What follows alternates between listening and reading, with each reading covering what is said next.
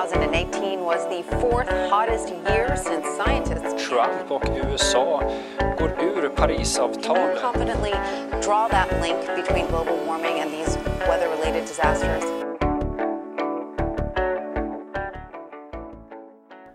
Välkommen till ett nytt avsnitt av Planet och politik med mig, Lorentz Tovatt. Eh, det här blir faktiskt sista avsnittet för i år.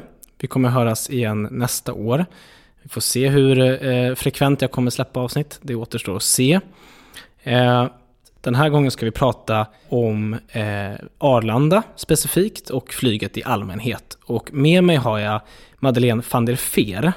Hon är eh, politisk eh, advisor på WWF med ansvar för eh, samhällspolitik. Eh, så vi kör igång det här sista avsnittet helt enkelt.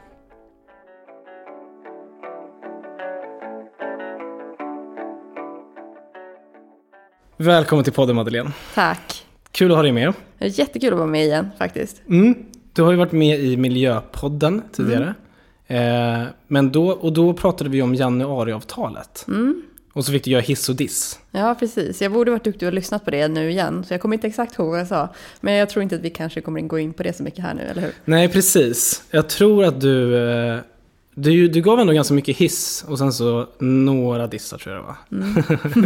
Det är klart. Men, ehm, nej men precis, vi ska inte prata om det utan vi ska prata om flyget.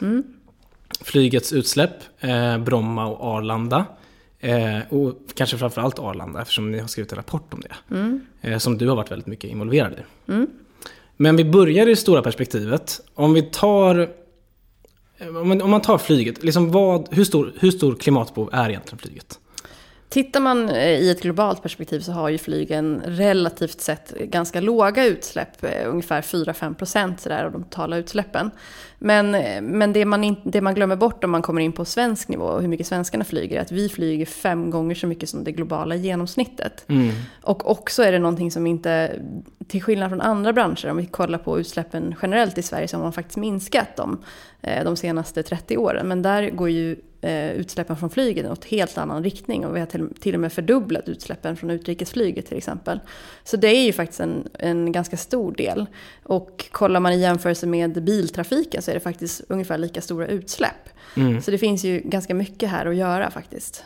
Precis, för det, man kan lätt lura sig genom att titta på det som kallas för inrikesflyget. Och så säger man att ja, men det står bara för, vad är det? 1% kanske av, av Sveriges utsläpp eller något sånt där. Men det, som, eh, det man lurar sig kring det är att om man räknar då med hur svenskar flyger globalt, då ser det helt annorlunda ut och då är det just en väldigt stor del. Men, Men även faktiskt om man tittar globalt så, så kan man ju se att flyget till skillnad från andra utsläppsområden minskar ju inte sina utsläpp som i linje med vad vi behöver göra enligt Parisavtalet. Så även fast de är ganska, bara ett antal få procent då, globalt så, så är det faktiskt ganska stort och ungefär en, en tredjedel eller lite mer, lite mer kanske än eh, utsläppen på väg.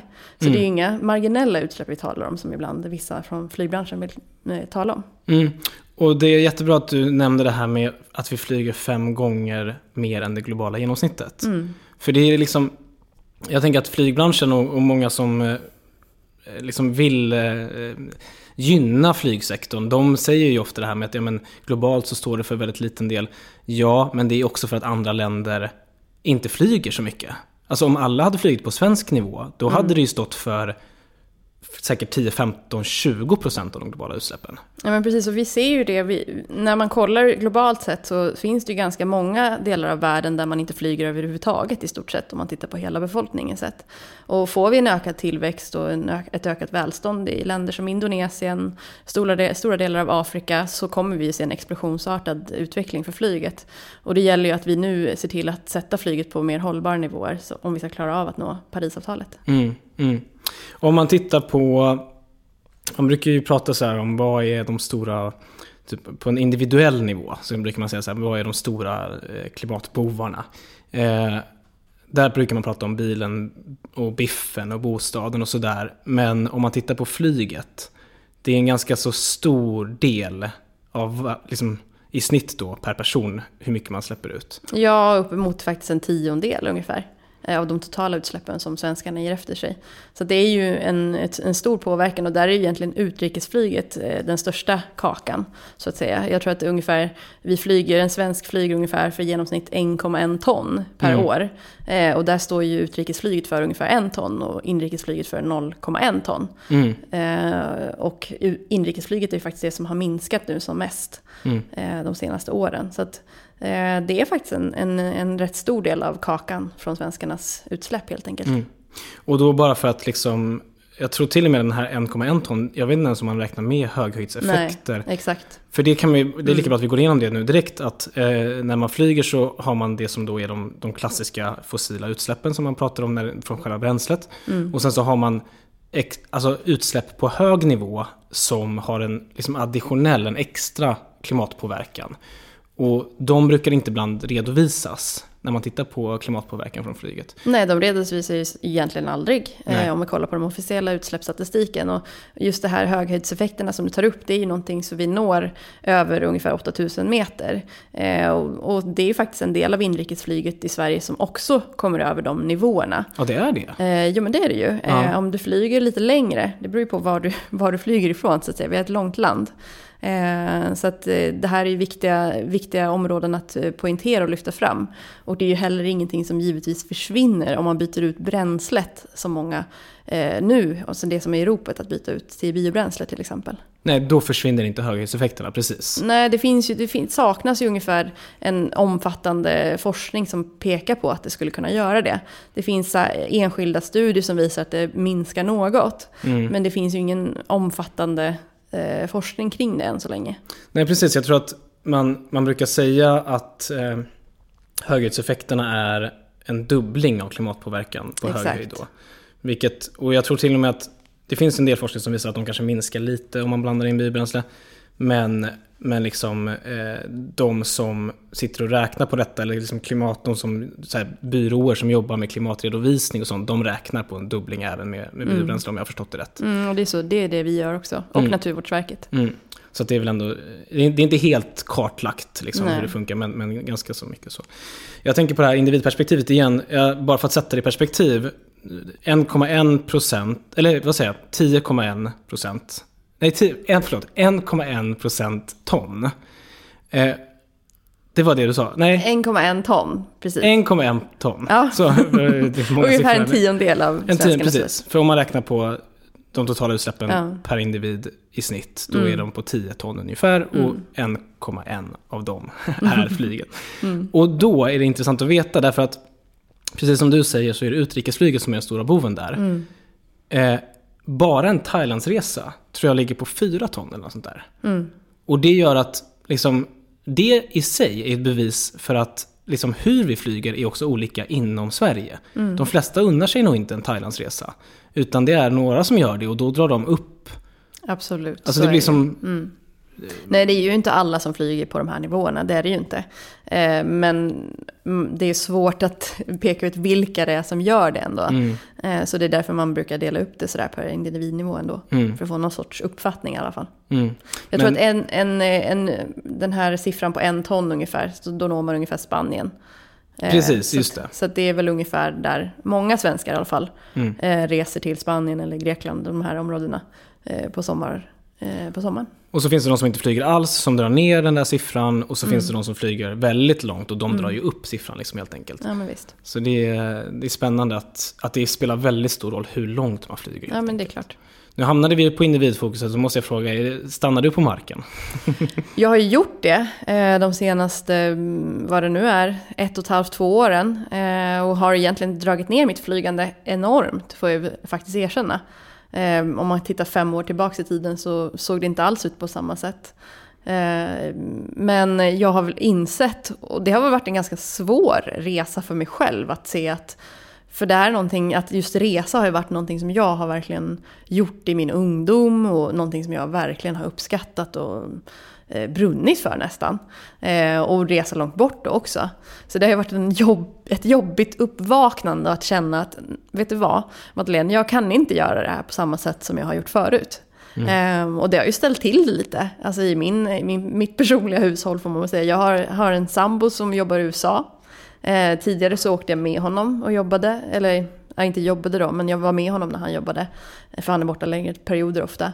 Eh, och nu har jag valt att stanna hemma och han tycker ju inte det här är helt kul. Så att eh, det här med att stanna på marken, det är ju det är ibland inte så lätt. Men jag försöker verkligen att göra det så mycket jag kan numera. Just det, jag, jag, eh, jag har faktiskt också gjort det. Jag, jag brukar ju vara väldigt sådär skeptisk till att man ska liksom lägga hela ansvaret på individen. Så jag har liksom aldrig, jag har inte gått ut med det eller något sånt där. Jag har inte liksom Nej, gjort men det en har inte grej. jag heller. Nej, precis. Eh, men så senaste, ja, det var typ två och ett halvt år sedan tror jag. Så sen dess har jag liksom inte flugit. Mm. Och till mitt försvar då, den senaste gången jag flög så var det faktiskt att då tog jag ändå tåget hela vägen från Stockholm till, eller från Helsingfors till eh, Hongkong. Så då, Mm. då men, eh, men nästa gång jag gör det så tror jag faktiskt att jag kommer ta tåget tillbaka också. Mm. Men för mig har det varit faktiskt lite motsatt, eller inte motsatsen. Jag, det, jag, jag förstår verkligen att ja, din situation då kanske är, är tuff utifrån det. Men jag har också insett att jag uppskattar att resa så mycket med tåg. Alltså jag tycker det är underbart. Jag, förra sommaren så var jag på en fem veckors lång tågluff. Jag tyckte det var helt fantastiskt. Alltså jag har liksom sällan gjort en så bra eh, semesterresa. Så att eh, jag har liksom upp, jag har lärt mig uppskatta det här att man, att man kommer ner lite i tempo och man ser saker på vägen och man, ja, sådär liksom. Ja, jag skulle nog behöva det. Men jag, jag hoppas på de här nattågen till kontinenten som, Åh, som eh, januaripartierna ändå har lovat oss. Så att, eh, jag, jag väntar jag på dem helt jag är enkelt. så taggad på det. Men jag måste också säga, jag har förändrat hela min, mitt sätt att resa överhuvudtaget. Jag reser mycket mindre och jag uppskattar det också. Det kanske för att jag har blivit äldre. Eh, Men jag tycker att det är ganska skönt att inte resa lika mycket. Du har skaffat också. en elcykel med elcykelpremien också. Ja, jo det har jag. Jag älskar min elcykel överallt annat nästan. Eh, Så det är väl där jag lägger mina resor nu då. Ja. Ehm, jo, jag tänkte bara det här som jag har inlett med nu, det har ju varit egentligen den allmänna utvecklingen innan corona. Jag ska säga någonting om, om vilken spännande tid vi lever eller spännande. Eh, det är spännande för flyget men, men det är ju hemskt i övrigt naturligtvis. Eh, men vilken, eh, vilken otrolig effekt det har fått, corona. Ehm, och det man kan säga bara som en sammanfattning det är att flyget i princip har varit nollat stora delar av det här året. Mm, Man pratar om typ mellan 90 och 98 procent eh, minskning av flygandet. Nu ser du skeptisk Ja, ut här. eh, senaste siffrorna jag såg från Swedavia var väl sådär 79, Ja, nej, men, absolut. Jag har återhämtat sig lite nu. Men, Ja. eh, men i, under mars, Absolut, då var det ju princip. mars och april, då tror jag det låg på 98 procent mindre. Men sen så har det återhämtat sig lite under sommaren och sen så har det gått ner, men nu har det gått ner igen ganska kraftfullt under hösten. Ehm, vad ska vi komma till där? Jo, men ehm, jo, och det som jag tror är intressant bara, som man ska ha med sig från den här minskningen, det är vilka stora konsekvenser det kommer få för flyget framöver. Därför att vi vet att om man tittar på statistiken hittills, vi behöver inte bli för nördiga nu, men det gick ner väldigt mycket under våren. Under sommaren så gick det upp lite och då var det bara nöjesresande som gick upp. Och sen så har det gått ner nu igen. Och ehm, det som jag tror kommer ske nu framöver det är att nästan all affärsflyg kommer slås ut. Alltså, eller väldigt stor del av det åtminstone. För att det som har hänt nu det är att företag har lärt sig att nej, men, det går funkar ju att ha digitala möten. Så jag tror att ja, nej, men de flygbolag som är väldigt stora inom affärsflyg, de kommer ha det så tufft framöver. Jag tror inte att vi kommer komma tillbaka på samma nivå helt enkelt. Eh, vad delar du den be- bedömningen eller vad, vad, vad tror du? Ja, men, jo, men det gör jag väl i mångt och mycket. Och man kan ju se om man tittar på Transportstyrelsens senaste prognos. Eh, Så kan man ju se att vi kommer inte vara uppe i 2019 års nivåer ens eh, vid 2026. Eh, Och i den prognosen, eller om det är Swedavia, nu blir jag osäker på om det var Swedavia eller om det är Transportstyrelsen. Men i alla fall, och i den prognosen så, så pekar man också på att det inte kommer bli en andra våg av corona, vilket vi är inne i nu. Exakt. Så det är möjligt att den här prognosen blir ytterligare mer negativ så att säga. Så att vi kanske inte ens närmar oss 2019 års nivåer förrän mycket senare än dess, 2030 eh, eller, eller liknande. Eh, och, och det som också är intressant är när man tittar på de här prognoserna så Swedavia har ju tagit fram en långsiktig prognos fram till 2050 som man tog fram då innan corona. Eh, och där har man ett lågscenario, ett högscenario och sen ett medelscenario som man då väljer att gå efter. Eh, och just det här lågscenariot pekar ju ut eh, större händelser, globala händelser eller större konsekvenser för kostnadsökningar för flyget som skulle kunna göra att vi hamnar på det här lågscenariot när vi har en ganska låg tillväxt för flyget fram till 2050. Eh, och det är väl egentligen där vi är idag. Eh, Faktiskt, och då tittar vi inte ens på, eh, det här är bara någonting som utifrån liksom coronan och, och vad som har hänt här, men vi skulle vilja se kanske ännu eh, lägre utveckling om man tittar utifrån klimatperspektiv såklart. Mm. Precis. Om man tänker, nu pratar du om prognoser och sådär, om man, bara en liten bakåtblick, om man tänker, finns det, har det funnits tendenser inom branschen att man har tagit klimatet på allvar tidigare? För det är liksom, eller när jag har försökt titta på det tidigare så har jag noterat att men nu, efter, framförallt efter att det har blivit en stor politisk debatt så har ju branschen börjat komma igång och kanske titta på elflyg och biobränslen och eh, på lite längre sikt kanske vätgas och liknande. Men eh, min bild är att teknikutvecklingen har varit nästan ingenting alls sedan 90-talet. Vad är din känsla kring det? Du menar alltså flyg, alltså branschen, Bransch, som, alltså- alltså, företagen som, Ja. som flyger kommersiellt? Nej, och om man tittar på eh, den, den effektivisering som branschen ofta då lyfter fram själva så är det ju egentligen faktiskt eh, flygplansstorleken och också kab kabinkapaciteten, eller kabin... Eh, faktorn. Eh, som att man har ökat alltså, till större flygplan och att det är fler passagerare per avgånget plan. Eh, som gör att man kommer ner i, då, man kan säga en eff- mer effektiv per person bränd, då, man kan säga då, eh, kilometer. Mm, just det. Och det är väl inte så bra om man samtidigt ökar flygandet så mycket som vi har gjort sedan 90-talet. Nej, det är det ju inte. Men däremot så är det såklart bra att man har fler passagerare per plan. Alltså Ja. det får man ju ändå vara liksom, eh, hyfsat liksom, eh, samstämmig att det är, en, det är ju bättre att om man nu Ja. lyfter ett plan så ska det ju vara fullt Mm. och inte åka halvfullt då som jag tror vid 20, 20 eller 1990 så tror jag var man nere på 60% beläggningsgrad på planen. Eh, och det är ju, det är ju inte bra Nej. tittar på ett eh, ändå hållbarhetsperspektiv. Mm. Men det är deppigt ändå att de tekniska landvinningarna har varit så, så få och så himla långsamma. Jag, läste någon intervju med ehm, den här forskaren Stefan Gössling och han säger att sedan 90-talet så har vi i princip inte haft en enda stor teknisk landvinning inom eh, flyget. Och då, om man då jämför så kan man säga Med liksom andra sektorer, precis. Ja. andra sektorer, där sker, har det skett så otroligt mycket sedan 90-talet. Mm. Alltså värmesektorn är helt, alltså den har ju bara, gått, bara sprungit eh, fram liksom i, i förändring.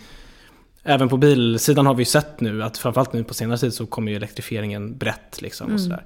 Men att eh, ja, men det har varit väldigt trögt inom flygbranschen. Men om man ska ta flygbranschen då i försvar Mm. så kan man ju säga att det finns också potential att, att minska utsläppen i förhållande till hur man flyger. Mm. Eh, men det finns liksom legala eh, hinder för att flyga på ett bättre sätt. Alltså sådana här gröna inflygningar till exempel som man pratar om. Och där finns ju EU in med, om vi kollar på ett europeiskt perspektiv, går in och liksom detaljstyr luftrummet och hur flygplanen ska flyga över Europa. Eh, så man skulle ju kunna göra lite mer från politiken här också för att kunna möjliggöra för, för branschen att minska Mm. sina utsläpp. Just det, just det. Det är bra att du också tar dem lite försvar så att det inte bara... Men du, ehm, låt oss dyka in i det som är nästan huvud, huvudfrågan här. Det har ju varit senaste åren en, en ganska så aktiv debatt om, om Arlanda och Bromma. Bromma har hängt med oss länge eh, som en debatt. Där har ju framförallt många politiker i Stockholm har ju velat lägga ner det för att kunna bygga bostäder. Eh, Det som har varit nytt nu i debatten de senaste två åren kan man säga, det är ju att, man, eh, att det finns de som verkligen också fokuserar nu på att man ska bygga ut Arlanda. Eh, och det här är någonting som, som du har jobbat med en del. Eh, jag tror jag vet vad du kommer svara, men behöver vi bygga ut Arlanda? Nej, vi gör ju faktiskt inte det. Okej. Eh, och jag, Chock. tänk, ja, precis. Jag tänker faktiskt att jag ska dra en liten liksom anekdot i varför jag liksom blev... Nu har jag i och för sig varit engagerad i, i Arlanda-frågan länge, men varför jag kände att jag liksom fick liksom det här extra engagemanget. Det, var, det är lite kul, för att jag läste en debattartikel sommaren 2018 måste det vara, eh, av Olof Stenhammar faktiskt, som gav sig in i den här debatten. Vem är det? Eh, han grundade väl eh, alltså Stockholmsbörsen. Eh, Jaha, okej. Eh, Ja. Nu blir jag osäker här. Men, Ja, eh, ja. men någon av de stora finanspersonerna i, i Sverige får man väl säga. Så han, han, våren 2018 var det ganska hetsig ton i Arlandebatten mellan framförallt ditt parti och eh, Moderaterna och Socialdemokraterna faktiskt ute i media mm. ganska mycket med båda ministrarna.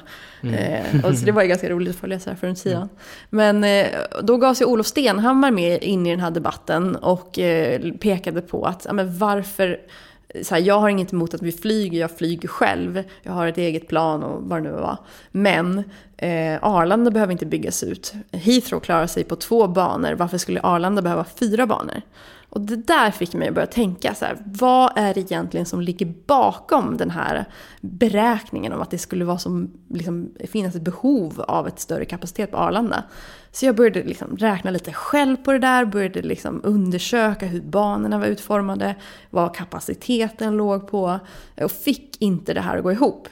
Eh, så jag lyckades ju, våra skrala medel till trots, jag hade lite pengar över som jag kunde lägga på eh, att få en konsult att börja kika på det här.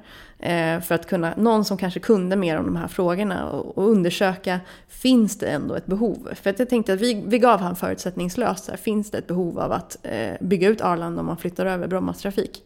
Eh, och då hittade vi en konsult som heter Arne Karyd som har ehm, varit med i många av de större eh, prognosarbetet som Trafikverket och trans Transportstyrelsen etc. har sysslat med kring kopplat till eh, flyget. Eh, och han eh, var ju också ganska sådär, men det här är trams, det här behövs inte. Eh, men jag vill ju såklart ha det här på papper ändå. Så jag bad honom titta på exakt hur många flyger som kommer att flytta över, hur ser kapaciteten ut idag, hur har det sett ut historiskt. Och det vi kunde visa är att år 2000 så hade Arlanda ungefär 20% mer alltså start och landningar, trafikrörelser som man brukar säga, än vad man hade 2019. Alltså 20% mer.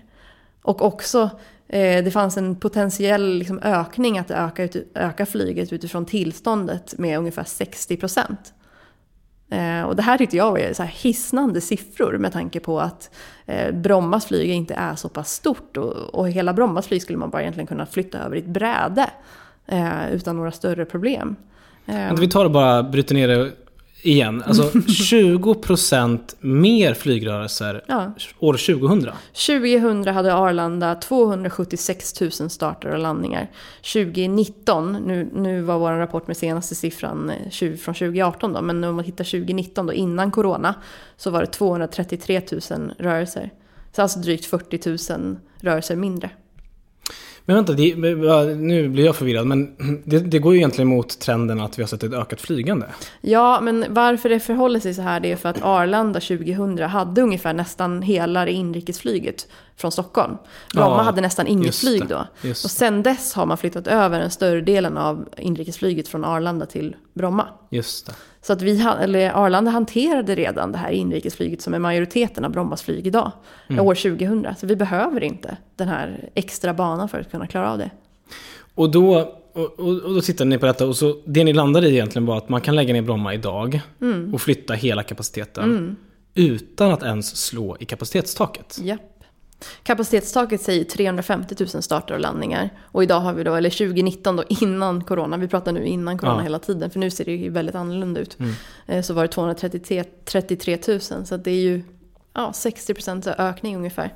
Och då är det ju många som kommer säga så här, ja men eh, det, är ju, det här stämmer ju inte om man tittar på eh, de peaktimmar, alltså där det går flest flyg från Arlanda. Då slår vi taket. Men det vi kunde visa med den här rapporten, eh, det var ju att med data kunna visa att eh, mellan eh, 2018 till 2019 så hade inte Arlanda haft mer än 73 rörelser eh, någon timme.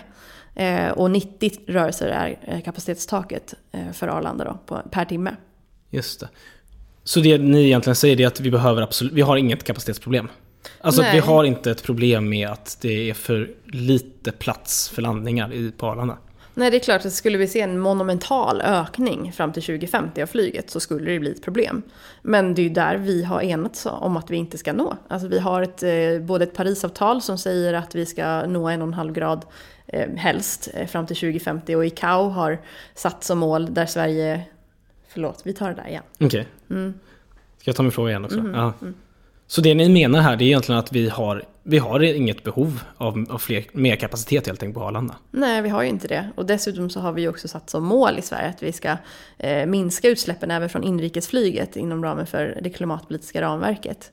Eh, och sen har ju Sverige faktiskt också ställt sig bakom en internationell konvention om att halvera utrikesflyget fram till 2050. Eller utsläppen från utrikesflyget. Ja, det är det som ICAO säger. Eller det, ICAO, då ska vi förklara vad ICAO är också. Då. Det är den internationella flygorganet, eller hur? Exakt. Och det är massa länder som sitter och förhandlar, eller hur? Ja, men precis. Ja. Det är ett FN-organ. Eh, och det är ju den här Chicago-konventionen då som Sverige har också ställt sig bakom. Att vi ska halvera utsläppen från utrikesflyget fram till 2050. Precis, och det, det, det du egentligen säger att om, om det inte sker en jättestor ökning av flygresandet, då har vi inget kapacitetsbehov. Nej. Och den här jättelika då, eventuella ökningen, den är ändå inte förenlig med de avtal vi har gått in i. För att det, Nej, det, klimatet klarar inte av, eller liksom, Krasst sett så kan ju faktiskt Arlanda öka, sin, alltså öka mängden flyg med 60 procent. Eh, så att jag menar, det jag menar med jätteökning är alltså över 60 procent. 60 procent är enormt mycket. Precis. Bara det. Och det är det här som är så bisarrt då, för att det tål ju att återupprepas här igen bara att Heathrow, som är ändå en av världens största flygplatser tror jag, eller Mm. om det inte är till och med den största i världen, eh, kanske inte riktigt, men en av världens största. Osäker. De har alltså bara två banor. Ja. Arlanda har tre. Och många vill bygga en fjärde och till och med eventuellt en femte sen. Och det roliga med det liksom här, ja. det är också att år, vi pratade om år 2000 när Arlanda hade 40 000 fler rörelser, alltså ungefär 20 procent mer än man hade 2019. Då hade man två banor. Den tredje banan öppnade 2003. Så på Ah. två banor så hanterade Arlanda eh, alltså mycket fler rörelser än vad man gjorde 2019. Och det är också på den banan som man nu säger är helt värdelös. Vi Just köper det. inte. Och bara så att folk fattar det här nu. Det här är, det, det man pratar om, pratar man, man, dels pratar man om den allmänna kapaciteten och det, det kan man då, det man menar då det är att det är antal flygrörelser totalt sett. Och sen så de som då vill bygga ut, de pratar ju då om de här peak-timmarna helt enkelt. Eh, Men, men visst är det så att även där, om man tittar bara på peak-timmarna, så är det inte så att man helt har slagit i taket. Nej, Nej det, där kunde vi visa att eh, mellan åren 2016 och 2019 så hade inte peaktaket slagits in någon gång. Vi hade som max nått upp till 73 starter av 90 som är då taket. Eh, och det är ju inte 73 inte ett, ett, liksom ett medeltal utan det var liksom några fåtal timmar. Och då kan man också liksom komma ihåg här att liksom det, de som vill bygga ut, de, de pratar ju om de här peak-timmarna. Men, och, och jag tycker ju, jag som inte då tycker att man ska flyga så mycket, det, jag tycker ju inte att man ska bry sig om dem. Men även om man skulle bry sig om dem, så, så rör det sig oftast om att man bara, om man bara flyttar en avgång 15 minuter senare, 15 minuter tidigare. Alltså man kan flytta avgångar så att de ändå liksom ligger i, i, i ramen för vad som skulle kunna vara rush hour då. Ja men så är det ju. För vi, det är peak-timmen då som man, som man har. Det är mellan 8 och 9 och det är där flest flyg går. Eh, och sen har man fler också där på eftermiddagen mellan eh, 17 och 18 tror jag det är. Eh, men det är fortfarande så att eh, även om man skulle lägga på alla Brommas flyg så skulle man kunna hantera det. Men det som också glöms bort när man pratar om eh, Bromma det är ju att alla flyg kommer inte, alltså, även fast man lägger ner Bromma och flygen börjar gå från Arlanda betyder det inte per definition att man lägger till lika många flygavgångar. Utan det kommer ju också leda till en kapacitets ökning i de befintliga linjerna. För att om man tittar på eh, Bromma och Arlanda, så de flesta flyg som går från Bromma går redan från Arlanda. Det är klart man sätter in större flyg. Exakt, och det där tycker jag är en viktig poäng som jag tror inte så jättemånga har greppat. När man pratar om det här hela landet ska leva. Mm. Att väldigt många linjer som från, går från Bromma går redan från Arlanda. Ja, 2019 var det, var det, av 14 linjer så var det 11 som gick från, från eh, Arlanda också. Ja, precis. Och då är det ofta så att de till och med går samtidigt. Mm. Alltså att man har liksom Bromma, eh, Ronneby, Arlanda, Ronneby. Mm. Att de går inom loppet av, eh, alltså inom en timme från Mm. varandra. Så det är ju liksom eh, det här hotet om hela landet ska leva, det är liksom också uppblåst. Mm. Eh, för jag tänkte komma till den frågan, det, om, om om jag ska försöka då spela djävulens advokat i det här sammanhanget. Tycker du inte att hela landet ska leva? Nej, men jo, liksom, men jag gör ju det och jag tror att eh, där kanske vi från Världshälsofonden särskiljer oss lite från vissa delar av miljörörelsen. För vi är ju inte emot flygande. Vi är inte emot eh, flygplatser över hela landet. Vi tycker ju tvärtom att det, det ska finnas eh, flyg fortsatt i Sverige. Eh, vi behöver flyget på, eh, liksom uppe i övre Norrland, inre Norrland. Vi behöver det på Gotland. Eh, vi behöver det verkligen på vissa platser och det, det blir lite förmätet att sitta här från Stockholm och säga att vi ska lägga ner hela svenska flyg, flyget. Mm. Jag, tror inte, jag tror inte på det framgent. Mm. Men däremot så måste man ju se över, det finns ganska många ställen där vi klarar oss att inte flyga emellan. Vi, vi behöver inte flyga mellan Göteborg och Stockholm till exempel. Nej. Eh, det finns utmärka, utmärkta kommunikationer däremellan. Det funkar inte riktigt på samma sätt mellan Gällivare och Stockholm eh, som mellan då Stockholm och Göteborg. Men, och det är ju såklart viktigt att ha med sig. Och det där tänker jag också, bara också för att nyansera den diskussionen. Jag tycker precis som dig att det kommer finnas liksom orter i Sverige som behöver ha en flygplats och som kan ha flyg som går. Mm. Men det finns ju också väldigt många flygplatser som finns på områden där man kanske inte hade behövt en flygplats ändå. Mm. Alltså jag tycker Västerås är ett väldigt intressant exempel för de stänger ju sin flygplats nu. Västerås ligger ju nära Arlanda. Det ligger nära liksom, det ligger i princip nära alltså ett, ett, jättemånga flygplatser. Eh, och dessutom har de bra tågförbindelser. Mm. Och då måste man ju ändå ställa sig frågan, vad är mervärdet av att ha en lokal flygplats i Västerås? Mm. Och om man tittar på den, den, flygtrafik som de har haft därifrån, då har det varit liksom kraftigt subventionerade flygresor till spanska solkusten till exempel. Mm. Är det rimligt att till exempel kommunen då ska gå in och subventionera det? Alltså det där tycker jag, jag har ju pratat om det här tidigare i podden med, med Timbro. Ja, det här är ju Lorentz då som spelar in i efterhand. Det blev ju lite märkligt här. Här hänvisar jag alltså till ett avsnitt som påstås ha spelats in tidigare. Planen var att vi skulle spela in ett avsnitt med Timbro om just de regionala flygplatserna och hur mycket massivt offentligt stöd de får. Eh, de har ju släppt en rapport på det temat.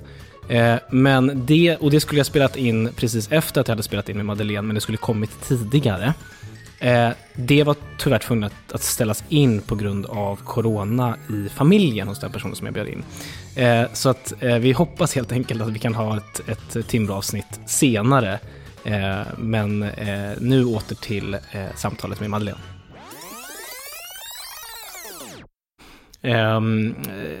Så att uh, alla som vill djupdyka sig i det kan, kan lyssna på det. Men det, men det är ju liksom, ibland kan jag känna att det där blir överdrivet. Att det är självklart så att vi ska ha liksom Kiruna, Gällivare, liksom mm. strategiskt viktiga flygplatser. Men vi behöver inte heller ha flygplatser överallt. Och vi behöver Nej. framförallt inte ha flyglinjer på alla sträckor. Nej, alltså, så här, vi har ju varken befolkningsunderlaget eller det koldioxidutrymme som krävs för att klara av att ha alla de här flygplatserna. Mm. Så är det ju. Mm. Alltså vi har mer än, vad är, det, vad är det, 45 flygplatser? Eller något sånt där. Ja, om man räknar precis alla regionala och ja. de statliga så är det väl någonstans där. 39 kanske. Ja, ja. No någonstans. Mm. I alla fall över 30. Eh, och vi är inte ett jättestort land, vi är ett avlångt land, men vi är inte ett jättestort land utifrån befolkningskapacitet. Mm. Eh, så att, ja. Eh, ja men vad fasen, vi, det känns som att vi avhandlade Arlanda väldigt snabbt här nu. Men, men det finns egentligen inte så mycket att säga. Alltså, det är ju väldigt, det är ju svart på vitt helt enkelt att, att vi inte behöver den här. Och, och jag tänkte, vi har ju redan pratat om corona, men corona bidrar ju ännu mer till att synliggöra att nu har vi en situation där det inte på något sätt skulle vara lönsamt eller mm. rimligt att investera tiotals miljarder kronor in i en ny rullbana helt enkelt. Nej, och, och det finns ju vissa, jag lyssnade på ett seminarium för några veckor sedan som Stockholms handelskammare höll. Eh, de lanserade en rapport om varför Arlanda behöver byggas ut. Eh, och då blev man ju lite matt när man hör regionens, liksom en av regionens främsta politiker svara att vi behöver det här för att eh, det är jätteviktigt med frakt eh, till Stockholm och, och, Arlanda behöver det. Men om man tittar på den frakten, alltså då att vi behöver ett nytt större Arlanda för att Bromma skulle läggas ner. Eh, om man tittar på den mängden frakt som eh, trafikeras via Bromma så är det liksom en, det är tre promille av mängden från Arlanda som går idag. Så det är ju inte så att Bromma är något viktigt nave för svenskt flygfrakt. Nej. Eller svensk flygpost eh, heller för den sakens skull. Mm. Så det, det blir ju lite, och dessutom är det så här, frakt är ju inte den eh, flyg det, det flyg som man prioriterar om man ska fördela slotter på populära tider. Utan de flyger ju faktiskt på de tider som, som inte är lika populära. Just det, de flyger säkert på natten och grejer. Mm. Ja, precis. Du, eh, det var ju ord inga visor tycker jag. Eh, jag tänker vi ska runda av med, om du får bara blicka framåt lite. Mm. Vad, om vi behöver inte prata om flygplats, flygplatsfrågorna, men om man tar flyget i stort, liksom, vad, vad ser du för, eh, vad är din utopi framöver? Du har sagt att du tycker inte att vi ska lägga ner allt flyg. Men hur mycket ska det minska eh, i relation till tidigare nivåer? Och vad tror du liksom om teknikutvecklingen framåt? Är det något du ser så här, det här hoppas jag på? Men så här, vi har ju utsläpp idag som motsvarar ungefär en ton. Eh, och vi behöver komma ner till en ton totalt för hela vårt levande. Så det säger sig självt att flyget kommer inte kunna ha den här platsen som den har idag. Eh, det är ju jättemånga nu som pratar om eh, inblandning av biodrivmedel. Eh, och det ser väl vi som en, en viss eh, möjlighet och viss lösning. Eh, på framförallt kanske svenskt inrikes eller utrikesflyg också. Eh, men det kommer inte ha den här stora effekten som vi behöver för att alltså de minskningsnivåerna som vi eh, behöver. Man kan inte bara byta ut eh, fossilt flygbränsle mot biodrivmedel och tänka att man är hemma. Det finns inte den kapaciteten globalt. Eh, vi kommer inte kunna, Sverige kommer inte kunna betala mer än alla andra länder i världen eh, för att kunna få det här flygbränslet heller. Jag bara en snabb inflikning. Jag tror jag såg någon siffra på vad skulle krävas kapacitetsmässigt för att odla upp så mycket bioenergi för att kunna ersätta allt fossilt inom, inom eh, alla flygresor i hela världen.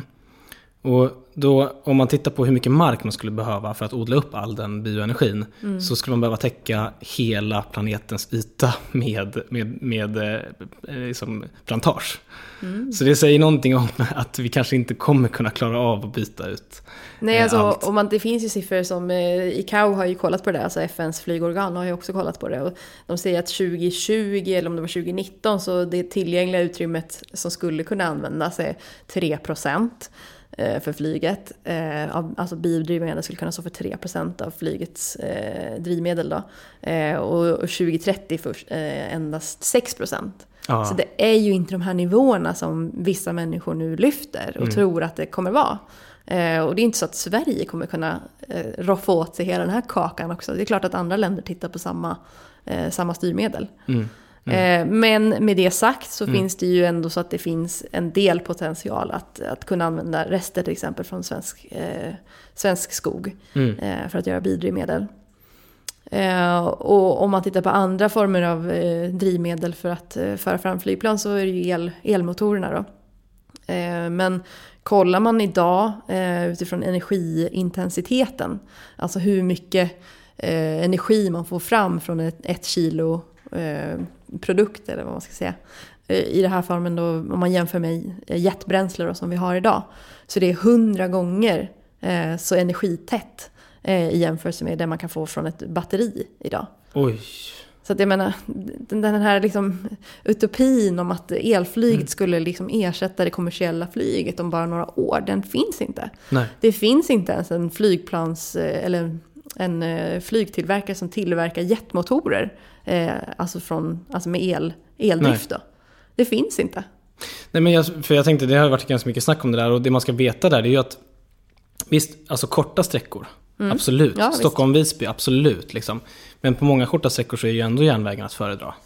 Ja. Alltså Stockholm-Göteborg, varför ska vi ha en elflyglinje där om man ändå kan ta tåget och det går lika snabbt? Alltså det... Precis, och jag vill förtydliga det, men att eh, alltså jetmotorer är det som behövs om man ska ha större flygplan. Ja, precis, alltså exakt. plus ja. 100 personer ungefär. Ja. Och det är de som man behöver om man ska flyga över Atlanten eller ner på kontinenten om man ska flyga då. Jag har, faktiskt, jag har faktiskt sjuka siffror även för det. För att om, när man, de, det finns några som har räknat på hur stort batteri man skulle behöva för att lyfta en jet över Atlanten. Mm. Och då kan man säga att en, en jet väger, bara själva liksom flygplanet väger mellan, vad är det, 80 och 100 ton tror jag. Mm. Eh, bara själva flygplanet. Mm. Då skulle man behöva ett batteri som väger 180 ton. Mm. Alltså bara det, det säger så mycket om hur hopplöst en, en energiineffektivt mm. det är att lyfta en sån stor kropp upp i luften. Mm. Alltså det, det, det, är helt nästan omöjligt att jobba med, med batterier helt enkelt på det sättet. Men så här, jag hoppas ju också på Abrakadabra. Alltså jag är inte den som är emot elflyg på något sätt. Men jag tycker att man ska ha en nykter syn på det. Mm. Eh, och se vad det är. Alltså de, de prototyper och, och, där var ju faktiskt vi, vi var väl på någon lansering, både vi, du och jag mm, tror jag, mm. i våras. Eh, när man skulle visa upp det här elflyget. Men det är ju liksom i form av ungefär ett segelflyg. Ja. det blir ju liksom... För det var en passagerare som fick plats i den. Ja, exakt. Så det, jag levde ju själv faktiskt med en pilot i ganska många år som segelflög. Det, så, det fly, flygplanet såg exakt likadant ut. Vad kul. Ja. Har, du, har du eh, flygt med? Jag med... gjorde faktiskt aldrig det. Nej, det gjorde inte. Nej, jag flög bara sådana här små eh, enmotoriga med honom. Ja. Men okej, för det som jag tänkte, jag tror så här, hopp, liksom ljuset i tunneln ändå, som jag ser framför mig. Jag tror ju inte lika, jag, jag tror ju, jag är helt på din sida när det gäller nykter syn på el, nykter syn på biodrivmedel. Det som jag ser som ett litet hopp i, i, som, i ljus i tunneln, det är elektrobränslen och vätgas. Och där är vi ju inte ännu. Nej. Vi har inte den tekniken ännu. Men om man tittar på miljörörelsen i Europa så brukar ju de prata mycket mer om det än de här andra lösningarna. Danmark har ju kommit längre när det gäller elektrobränslen och vätgas och sådär till exempel. Så att eh, jag hoppas ju på lite längre sikt att det är det som kan liksom komma in på bred front och då skulle vi kunna börja flyga igen med, med, i högre utsträckning. Ja, jo. Och sen om man läser, löser eh, kondensproblematiken då från vätgas, tänker jag. Det blir ju också ett, en, en fråga. Ja, det finns jättemycket problem med det där. Ja. Eh, verkligen. Så att det, vi är verkligen inte där. Men det, men det är åtminstone ett sätt att liksom om man väl får ihop det så kan man ju liksom lyfta en flyg, Mm. ett flygplan på ett sätt som inte bidrar till några utsläpp alls. Alltså i, i, i teorin då. Vi får se helt enkelt, Mm. men vi kan väl hoppas åtminstone. Tack för att du kom till podden. Tack, vad roligt att vara här.